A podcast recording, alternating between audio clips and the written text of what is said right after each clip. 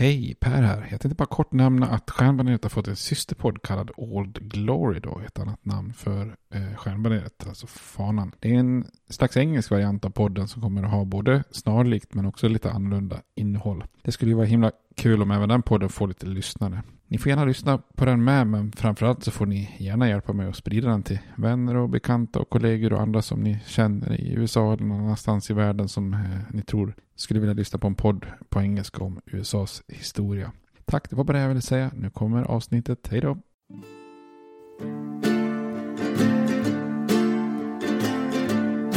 We hold these truths to be self-evident, that all men are created equal, that they are endowed by their Creator with certain unalienable rights, that among these are life, liberty, and the pursuit of happiness. Now we are engaged in a great civil war, testing that government of the people, by the people, for the people, shall not perish from the earth. And so, my fellow Americans, ask not what your country can do for you, ask what you can do for your country. I have a dream. My four little children will one day live in a nation where they will not be judged by the color of their skin, but by the content of their character. Mr. Gorbachev, tear down this wall. I did not have sexual relations with that woman, Miss Lewinsky. Hej och välkommen till Stjärnbaneret, en podcast om USAs historia där eh, jag är inne och kör lite andra världskriget och eh, vi har ju kommit en bit på vägen eh, och i de senaste avsnitten så har vi fokuserat mycket på hemmaplan, alltså hur kriget och upprustningen verkligen i grunden förändrar USA eller åtminstone lägger en massa viktiga byggstenar för ett förändrat USA under efterkrigstiden. Eh, en sak som jag pratade lite grann om var ju till exempel hur minoriteter påverkas av kriget och eh, en lite mer svängning till det konservativa, konservativa hållet i, i politiken då. Jag pratade också om Roosevelt, alltså FDRs fjärde seger i ett presidentval och med det är ju såklart eh, helt unik.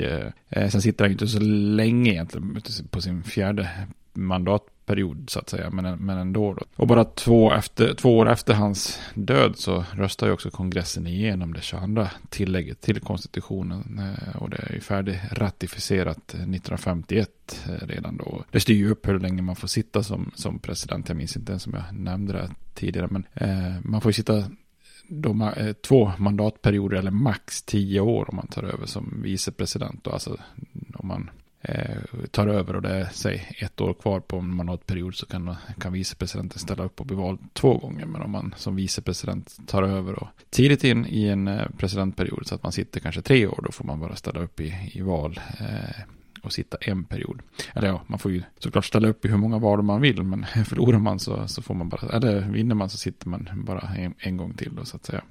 Och det här var ju liksom ett brott mot praxis där. Det var ju George Washington egentligen som var den första, som, första presidenten som, eh, som satt två, år, eller två perioder och sen sa att eh, jag tycker inte att det är sunt att man sitter längre utan då i så fall sätter vi någon standard att man ska bli någon slags halv kung eller halvdiktator liksom. Eller, eh, så, så att, och det var ju ingen som riktigt, riktigt vågade bryta mot den traditionen även om vissa hade tankar och, och kanske har försökt genom åren så hade ju alla suttit max två år fram till Roosevelt. Men depression och krig tyckte han motiverade att man kunde sitta lite längre i Vita huset då. Eh, men eh, många var ju inte vana med någon annan president än FDR där under en halv eh, mans era. Så att det tyckte man att mm, det var nog ändå så att Washingtons gamla filosofi var rätt och man ändrade ju då konstitutionen. Idag tänkte jag att vi skulle återigen vända blicken kanske mer mot den militära insatsen igen och framförallt fokusera på vad som händer i i Europa då. Så tar vi Stilla havet i, i avsnittet därpå då. Men det passar också bra att prata lite om diplomati och viktiga konferenser eh, mellan de allierade som, som på många sätt både formar krigets avslutning men, men också som blir viktiga för att ta med oss in sen eh, efter krigsavslutet och den värld som eh, skapas efter andra världskriget då när vi är inne på kalla kriget. Då. Innan vi går in på vad som händer i Europa så eh, lite eh, öltips. Jag håller på att botanisera oss igenom de här eh, klosterölstilarna då. Eh, klosteröl och trappistöl och eh, vi har ju pratat om det enkel och dubbel och då eh, känns det ju väldigt logiskt att det är dags för trippel. Eh, lite grann nästa eh, stil bland klosterölarna och som man förstår då så på namnet så Eh, börjar det bli lite starkare så att säga. Man använder mer, mer malt och mindre malt i enkel och mer i dubbel och ännu mer i trippel. Och, och en trippel eh, har med tiden blivit eh, framförallt då en ljus, eh, starkare eh, ale då. Ofta ligger de runt 8-9 procent och kanske till och med ibland upp mot 10 även om de ibland brukar byta namn eller heter något så här Grand Cru eller något sånt där. Och det är ju en sett till ingredienserna ganska eh, enkel eh, öl och man bygger den framförallt på, på väldigt ljus pilsnermalt och kom och eh, addera då någon form av ljust socker eller, eller, eller sirap och eh, kanske lite vetemalt som eh, upp till eh, eller omältat vete men eh, oftast är det bara eh, pilsnermalt och någon form av sockersirap och eh, svårare än så är det så att, så att säga inte men det är ju den, framförallt den belgiska gästen som, som ger mycket av karaktären. Och den här ljusa versionen började bryggas av en del kloster i början av 1900-talet. Och det sägs att de första som verkligen slog igenom med det här var trappistklostret Westmall innan de här tripplarna dök upp så var de flesta belgiska öl eh, mörka då. Eh, och det, de här ljusa tripplarna är lite grann som ölens, eh, vad ska man säga, lite som, eh, lite nästan mot champagnehållet. De är ganska kolsyrade och eleganta och, och fina och oftast kanske liksom en eh, torr avslutning då, där alkoholen ger en liten eldighet som kompletterar då,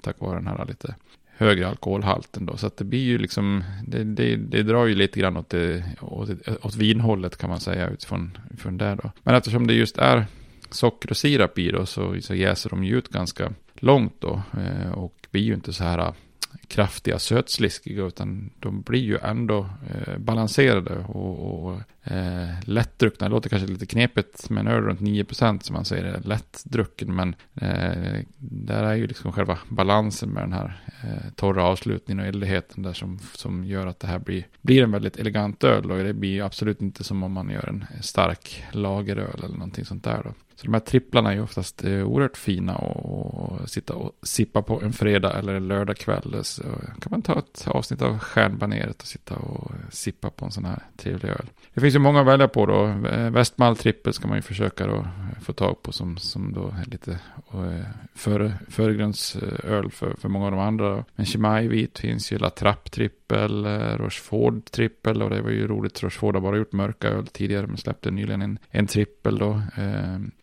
Vreta kan man ju testa, den svenska klostertrippen då.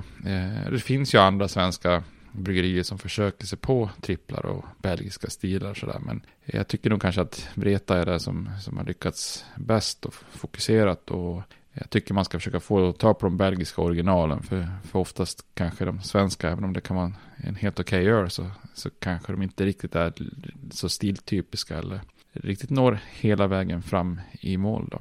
Nästa avsnitt tänkte jag att vi skulle prata om den starkare mörka klosterstilen då som brukar kallas för kvadruppel eller apt eller eller egentligen bara i vissa fall eh, bara ha något namn som indikerar med siffror och så vidare. Men då kan man försöka få tag på någon Rochefort då, åttan eller tian eller La Trappe quadruppel. Det brukar finnas ibland. Sant Bernardus app, eh, Chimay Blå kan man testa. Eh, och man kan också ta då Vreta, Bedissan 12. Men försök att få tag på någon sån.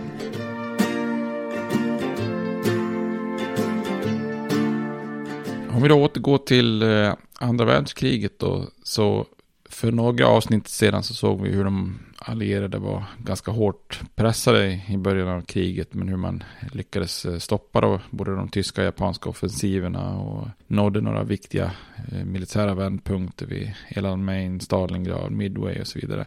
Och idag ska vi ju se hur de allierade börjar gå till motoffensiv och pressa tillbaka Tyskland och hur Hitler till slut då besegras då. Men om vi gör en liten återblick då så, ni kommer ihåg Tyskland svepte ju bort allt motstånd i Europa till en början då. Polen, Danmark, Norge, Beneluxländerna, eh, tog en stor del av Frankrike och skapade den här Vichy-regimen i, i andra delen av Frankrike. Eh, brittiska trupper som evaku evakuerades i all hast från, från Dunkirk. Eh, och man började också dominera Atlanten med sina så kallade vargflockar av ubåtar och eh, tillsammans med italienarna så började man då ta över stora delar av Nordafrika och började till och med hota britterna i Egypten och kontrollen om Suezkanalen. Eh, och med alla de här framgångarna i ryggen så bröt man ju också den här tidigare pakten med Sovjetunionen och öppnade upp en östfront eh, och anföll Sovjetunionen då. Men, men britterna under Churchills ledning höll ju ihop eh, då landet under slaget om Storbritannien där. Eh, och de här flyg, flygkriget och bombningarna lyckades ju inte eh,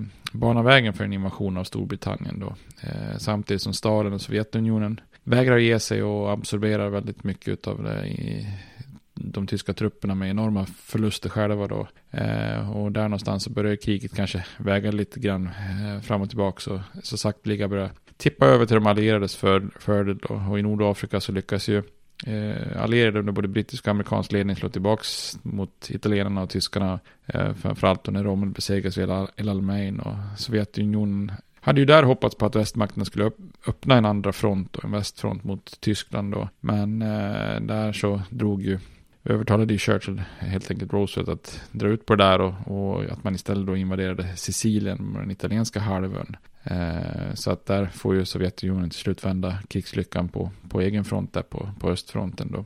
Eh, men man ska inte heller missa att de allierade vinner ju en minst lika viktig seger i, i det här slaget om Atlanten där de tyska ubåtarna till slut tvingas eh, eh, lida stora förluster och dras tillbaka. Och det här ska man ju absolut inte förringa. För ser man siffror på hur många ton skepp som tyska ubåtar hade sänkt där när det var som värst så är det ju hisnande mängder av, av material och, och eh, människoliv. Då.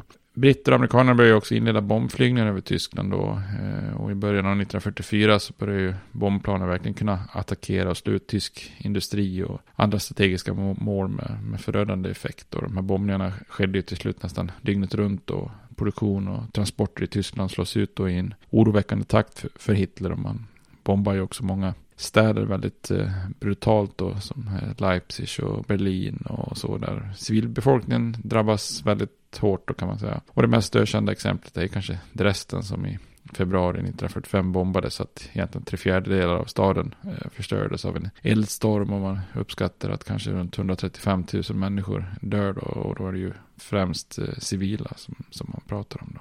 I slutet av november 1943 så reste ju Roosevelt till Teheran i, i Iran då för ett möte med sina två viktigaste kollegor då, Churchill och eh, Stalin. Och, eh, som vanligt så är ju då frågan om en, att öppna upp en andra front i väst det som är absolut mest pressande då. Eh, för Stalin och Sovjetunionen hade ju varit en, en, liksom en akut fråga om att överleva. De hade ju ensamma mer eller mindre fått kämpa mot tyskarna och tagit udden ur, ur den tyska armén. Och Sovjetunionen hade ju ensamt sett till att Tyskland förlorade miljoner soldater på östfronten och fyra gånger så många tyska förluster som, som britterna och amerikanerna skulle tillfoga tyskarna. Då. Och Churchill han fortsätter ju även i Teheran att försöka fördröja och dra ut på sakerna då, men nu börjar snarare Roosevelt att ställa sig på Stalins sida och tillsammans så bestämde man då att till slut att en invasion över den engelska kanalen skulle ske eh, våren 1944 då.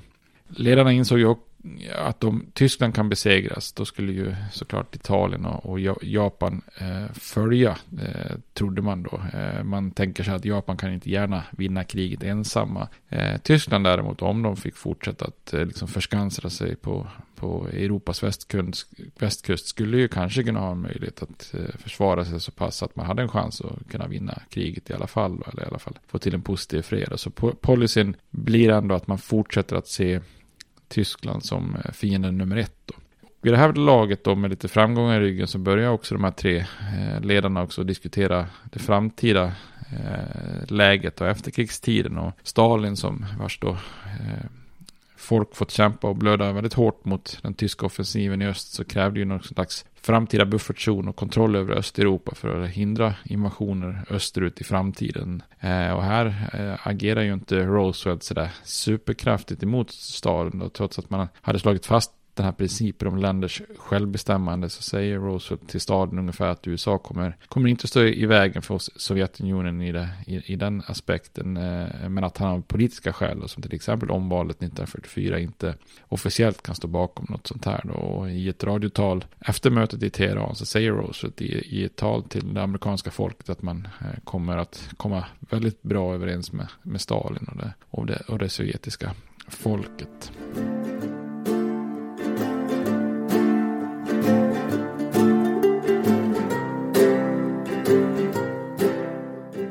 Eh, inför det dagen då, eh, dagen D då när man landstiger i Normandie på och öppnar upp västfronten så eh, inför det här så får man ju planera rätt så rejält. Det här är ju en enorm offensiv då. Man har ju då samlat enormt med material och trupper i England då. Kanske den största militära koncentrationen någonsin då, mer än tre miljoner trupper och, och extremt många krigsskepp då. Och det är en sak som är lite lätt att glömma bort tycker jag när det gäller britternas insats att aldrig vika sig för Hitler-Tyskland där eh, i början av kriget. Det är ju att de brittiska öarna faktiskt nu finns kvar som en bas och en språngbräda för att öppna upp en västfront och en invasion av kontinenterna. Hade brittiska öarna fallit till Tyskland hade man ju verkligen haft liksom då Eh, möjligheten att bygga det här så kallade Fortress Europe, alltså eh, Fort Europa, där, där det hade varit svårt för USA att kunna landstiga på något sätt när, när, när Tyskland faktiskt kontrollerar, hade kontrollerat hela kusten då i, i Västeuropa. Då. Så det är lätt att glömma bort det här tillsammans med det faktum att genom att inte erövra britterna så kommer inte Tyskland heller över flottan. Men man kan ju tänka sig kombinationen där om Hitler-Tyskland hade erövrat Storbritannien. Var, hade man haft tillgång till den brittiska flottan och eh, kunna eh, och inte ha något brohuvud att, att, att, göra en invasion från. Det hade kunnat varit eh, väldigt förödande då. Eh, landstigningen i Normandie då, eh, kallad Operation Overlord, eh, blir då den största amfibieexpeditionen och, och, och landstigningen eh, någon, någonsin då. Eh, jag har sett siffror på att man samlar, samlar ihop ungefär 4 000 båtar och ungefär 11 000 flygplan och eh, naturligtvis tiotusentals andra fordon då. Man har ju totalt ungefär tre miljoner soldater eh, tränade och förberedda för en, en eh, offensiv på, på västfronten. Då. Eh, den den övergripande och ansvariga befälhavaren blir ju Dwight D. Eisenhower, alltså Ike eh, som han kallas, som ju sen senare också kommer att vara involverad i diverse saker och även bli amerikansk president. Då.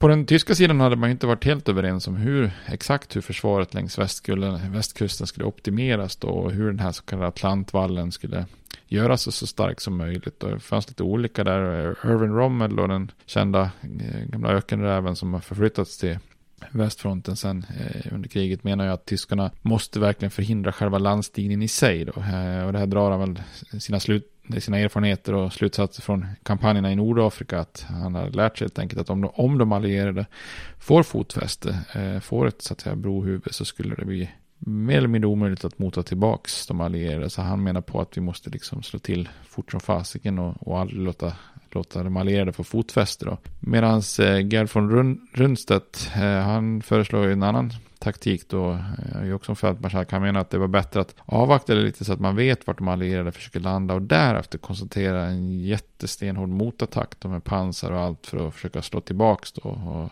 eh, liksom, eh, orsaka så mycket förluster att det här brohuvudet misslyckas och man demoraliserar eh, landstigningen då så att säga. Och problemet lite grann för Tyskland var väl att Hitler lite grann hade svårt att välja. Han väljer att kompromissa lite så att de tyska trupperna spreds ut längs kusten eh, på ett sätt där man hade, eh, skulle få svårt att både stå emot och, och flexibelt koncentreras. Så det blir lite som en mischmasch då så att säga. Eh, platsen för landstigningen är ju också intressant. Den blir ju då Normandie, alltså inte längs den här smalaste delen av Engelska kanalen som tyskarna kanske främst hade trott då. Eh, utan Eisenhower, han har då valt Normandie där utmaningen är att det finns en avsaknad av, av bra hamnar. Eh, och, men det i sin tur hade ju då lett till att tyskarnas försvarslinje var aningen eh, svagare då. Eh, och tyskarna blev ju lurade och var betydligt mer förberedda för en landstigning i, i eh, ja, men Calais-trakten och så vidare. Då. Eh, men de allierade hade ju konstruerat till exempel konstgjorda hamnanläggningar som man skulle då föra över Engelska kanalen och bygga upp i, i Normandie. Då. Eh, och att landstiga i Normandie eh, blev ju en framgång, men man ska komma ihåg också att det är ju en vågad chansning. Alltså något så enkelt så, så oförutsägbart som en storm till exempel hade ju kunnat gjort att allting gick i stöpet då eftersom man var tvungen att ta sig en längre sträcka över, över vattnet då helt enkelt. På morgonen den 6 juni 1944 så, så kommer ju då dagen D samtidigt som skepp och flyg, bomba de tyska försvarslinjerna eh, längs kusten då så förde 4000 båtar fram amerikanska, brittiska och kanadensiska soldater till stränderna på, på fem platser i, i Normandie då. Och inför landstigningen så hade man ju också släppt då tre divisioner av fall, fallskärmstrupper eh, som hade, man hade då droppat eh, bakom tyskarnas linje på, på natten då för att försöka skapa så stort kaos som möjligt då runt 23 000 män. då. Eh, inte helt enkelt uppdrag då. Samtidigt hade man ju då via eh, kodade medlen försökt få franska motståndsmän att eh, uppmana dem att förstöra en del infrastruktur och annat bakom de tyska linjerna så att man skulle förbereda så gott som möjligt för att skapa det här brohuvudet då. Eh, britter och kanadensare landsteg på tre stränder då som kallas för Gold, Juno och Sword medan amerikanerna landar på två stränder då, eh, kallade Utah och Omaha. Och landstigningen innebar ju väldigt tuffa strider då, eh, särskilt på Omaha-stranden eh, då, där landstigningen sånär kanske hade varit på väg att kunna misslyckas då. Eh, trupperna vid Omaha får ganska dåligt understöd av flyg och tyska försvarare kunde skapa väldigt stor skada eh, från sina försvarslinjer högt uppe på, på klipporna på, på stranden när de skjuter ner mot eh, de som försöker landstiga där. Då. det här är ju har man inte sett Rädda meningen Ryan så tycker jag man kan se den filmen för det här skildras ju väldigt brutalt i, i den filmen då. Men till slut så lyckas det här numerära övertaget och materiella överlägsenheten fälla avgörandet då, och landstigningen lyckas på, på samtliga platser då. På bara ett dygn så för man över 130 000 eh, trupper på plats då. Och på, eh, efter första veckan så hade tyskarna pressats bort från kustområdet i, i Normandie utan att kunna då, som Rundstedt föreslog, koncentrera och börja slå tillbaka då så att säga. Så då är den här fördröjda och för Sovjet efterlängtade andra fronten i, i Europa eh, öppna då helt enkelt. Eh, och här stannade ju liksom hela USA upp och man, man visste att det här var på, på, på gång då så lyssnade man ju intensivt på radio för att höra hur det, hur det gick och, och när man då förstod att den här landstigningen hade inletts då. Eh, så här i efterhand så, ehm, så kanske Hitler skulle ha lyssnat lite mer på, på Rommel. Då hade tyskarna kunnat bjuda på mer motstånd inledningsvis. Så var det ju kanske inte helt eh, givet att den här landstigningen skulle lyckas. De, eh, och Rommel hade till och med varnat och misstänkte faktiskt som en av få att det var just Normandie som var platsen där landstingen skulle komma och Hitler hade faktiskt också trott honom till en början men lustigt nog så när det väl, när det väl sätts i verket så blev Hitler nästan besatt där i början av att det här, det här som hände i Normandie var en skenmanöver att den riktiga landstingen skulle komma någon annanstans så att där ser man ju också hur mycket, hur mycket det kan eh, ha avgörande beroende på vem som, vem som tror vad i, i det högre ledarskapet.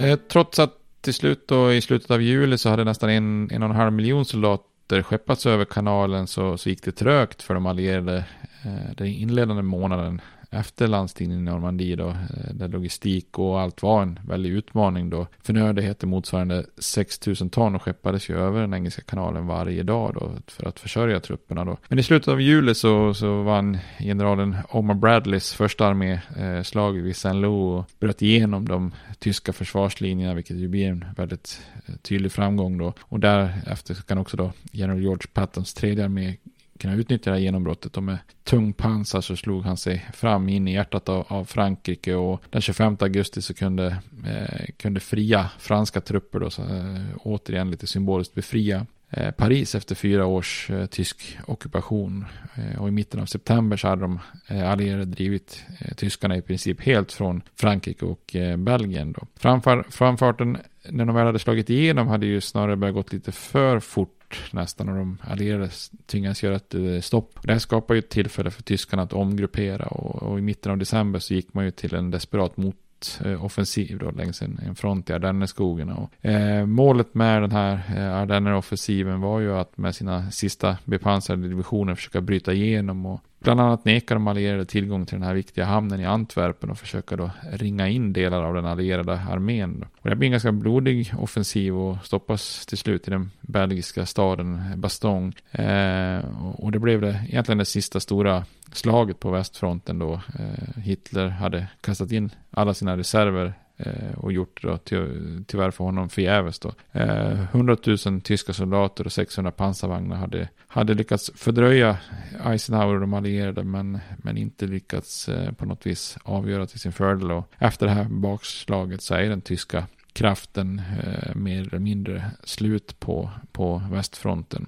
Eh, så i det här läget så börjar ju kriget i Europa närma sig eh, slutet med, med stormsteg då. Och samtidigt som britter och amerikanare slår sig fram eh, österut på västfronten så svepte ju den sovjetiska eh, Röda armén västerut på östfronten då i en stor offensiv mot Centraleuropa och, och även Balkan. Och i januari 1945 så öppnade Sovjet upp sin eh, offensiv mot floden Oder i själva Tyskland då, själva hjärtlandet i Tyskland då. Och på våren så gör man sig redo att börja anfalla eh, till och med Berlin då.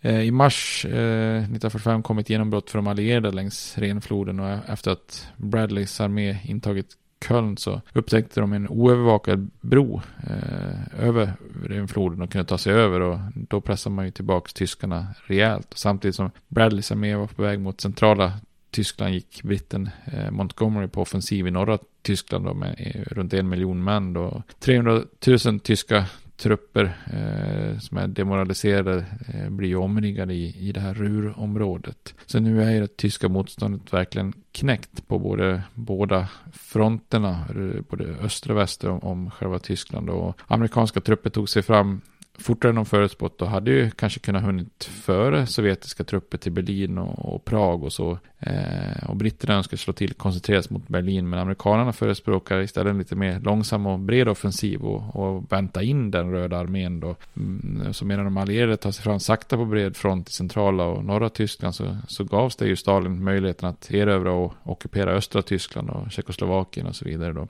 Så det, det, kan man ju se i efterhand som en fråga om ett litet fel prio kanske av, av amerikanerna.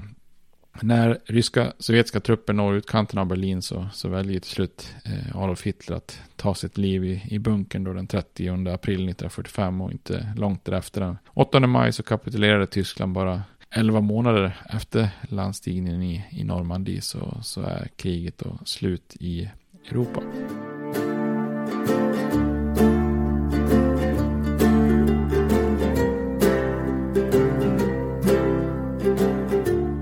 Den här ockupationen av territorier i Europa skulle ju givetvis bli en eh, ganska viktig del av efterkrigsspelet. Eh, och i februari 1945 då, eh, glad över att ha blivit omvald en fjärde mandatperiod, så reste Roosevelt till Svarta havsstaden Jalta för att diskutera de här knepiga frågorna om hur efterkrigsvärlden skulle se ut tillsammans med Churchill och Stalin då. Som jag pratat om tidigare så var ju Stalin och Sovjet väldigt missnöjda över hur de allierade hade eh, agerat genom att fördröja öppnandet av en andra front. Och lite, lite siffror är väl talande att när kriget stod på sin höjdpunkt på östfronten så hade 300 sovjetiska divisioner stångats mot 250 tyska då. Eh, I kontrast så hade USA och britterna tillsammans använt eh, 58 divisioner vid offensiven från Normandie då.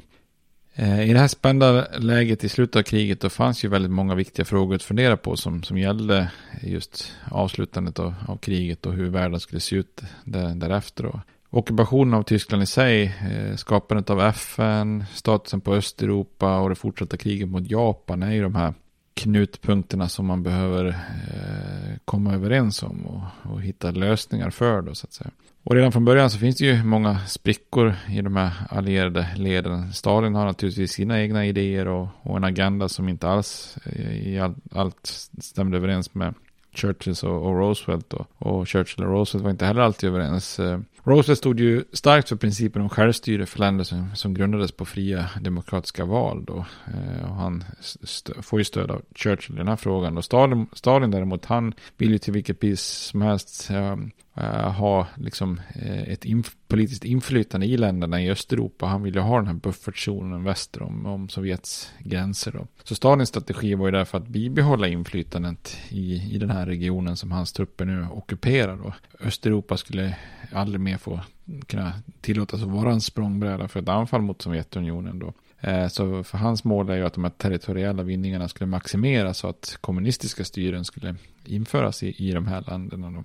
Eh, Roosevelts strategi var ju annorlunda. Han förespråkar ju eh, väldigt mycket eh, FN då, bildandet av FN. Eh, den här föregångaren Nationernas förbund som, som eh, skapades efter första världskriget för att just hindra andra världskriget. Det var ju någonting som USA trots att det väldigt mycket byggde på eh, Woodrow Wilsons stöd, eh, hade ju till slut blivit någonting som USA stod utanför eftersom kongressen inte var med Wilson i den frågan då, om ni minns från eh, avsnittet om första världskriget. Då. Så till skillnad från första världskriget så är ju nu amerikanerna och politiska ledare från, från både, eh, båda länderna, eh, eh, både Storbritannien och USA, mer intresserade av att skapa ett bättre kollektivt fredsbevarande i form av då FN.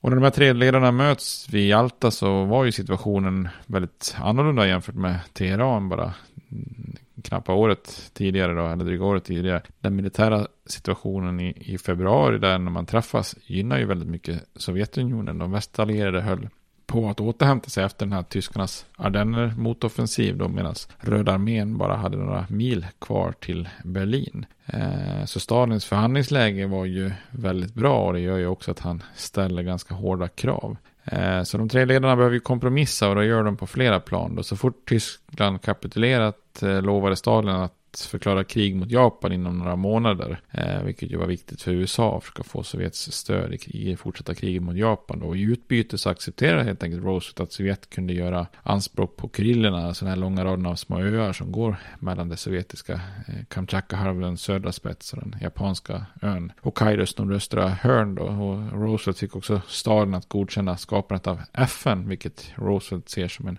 oerhört stor seger i de här förhandlingarna. Då. Eh, statusen på, på Östeuropa och kanske framförallt Polen, eh, eh, alltså statusen efter kriget var en av de klurigaste frågorna att lösa ut. Då. Växt, västmakterna stödde då någon, en form av polsk exilregering i London medan Stalin stödde en kommunistledd provisorisk ledning i Polen. Och för att inte konferens, konferensen skulle haverera eh, då Stalin tyckte det här var en väldigt viktig fråga så gick Roosevelt och Churchill till slut med på en väldigt vag formulering att befriade länder i Europa skulle tillåtas att hålla fria val. Eh, det angavs dessvärre då ingen specifik tidpunkt i framtiden eller metod för att övervaka att så blev fallet och därmed så låg också vägen lite fri för Sovjetunionen att försöka dominera Polen och de andra länderna genom då kommunistiska styren som kanske inte är så speciellt kända för att hålla fria val.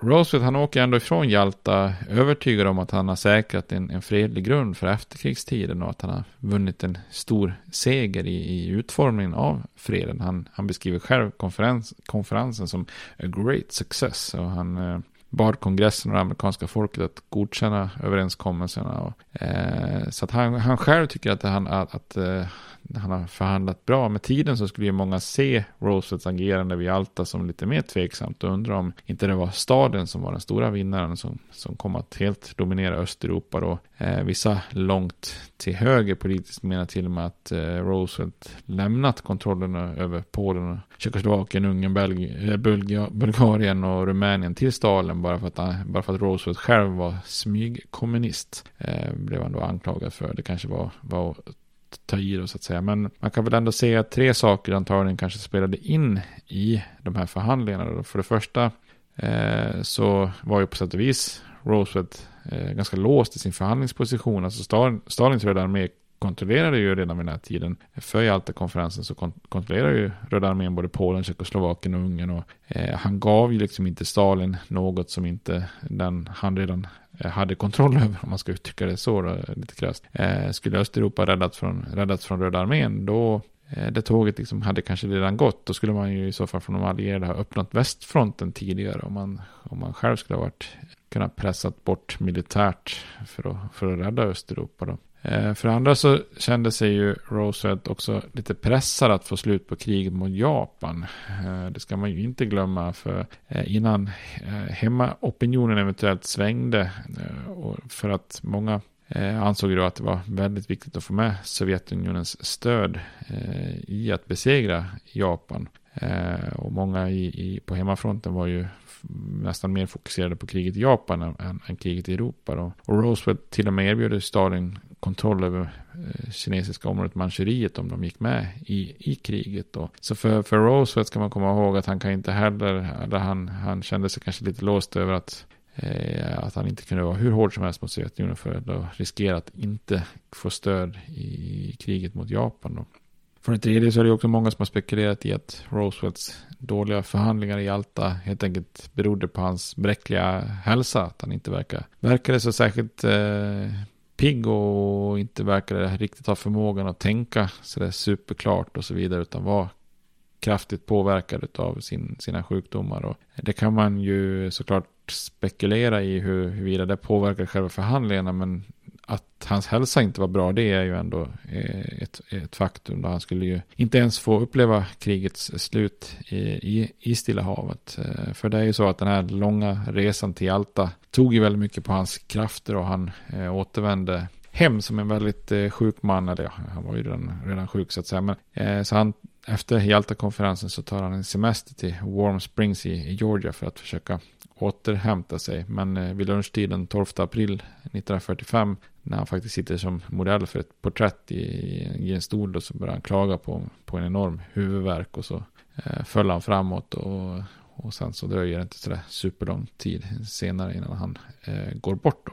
Och eh, Roosevelts bortgång var ju lite olyckligt för USA och dess framtida relation med, med Sovjetunionen under efterkrigskriget kriget och eh, jobbet med att liksom avsluta kriget mot Japan och styra upp freden och efterkrigs, Eh, efterkrigsvärldens eh, status. Det går ju därmed till, till hans efterträdare Harry Truman som ju hade utsetts till vicepresident i sista presidentvalet. Och där så hade ju inte Roosevelt tagit speciellt mycket åtgärder för att förbereda sina efterträdare. Så att eh, Harry Truman, han, Eh, de här utmanande frågorna som ska hanteras och slutföra kriget mot Japan, hantera fri, freden, där är inte Truman direkt förberedd då. Eh, så för honom blir det ju en ganska eh, jobbig situation då. Han kände ju en enorm press redan från start. Han, han, säger vid något tillfälle till pressen, med ett talande ord, han säger I felt like the moon and the stars and the planets had fallen on me. Så att han är ju oerhört pressad i det här läget och får ta över skutan här nu. Eh, och kort, kort efter att han får ta över så får han reda på att eh, kriget mot Japan skulle kunna avgöras och att Japan skulle kunna besegras då med ett eh, nytt eh, fruktansvärt supervapen som han inte ens eh, kände till att det existerade då.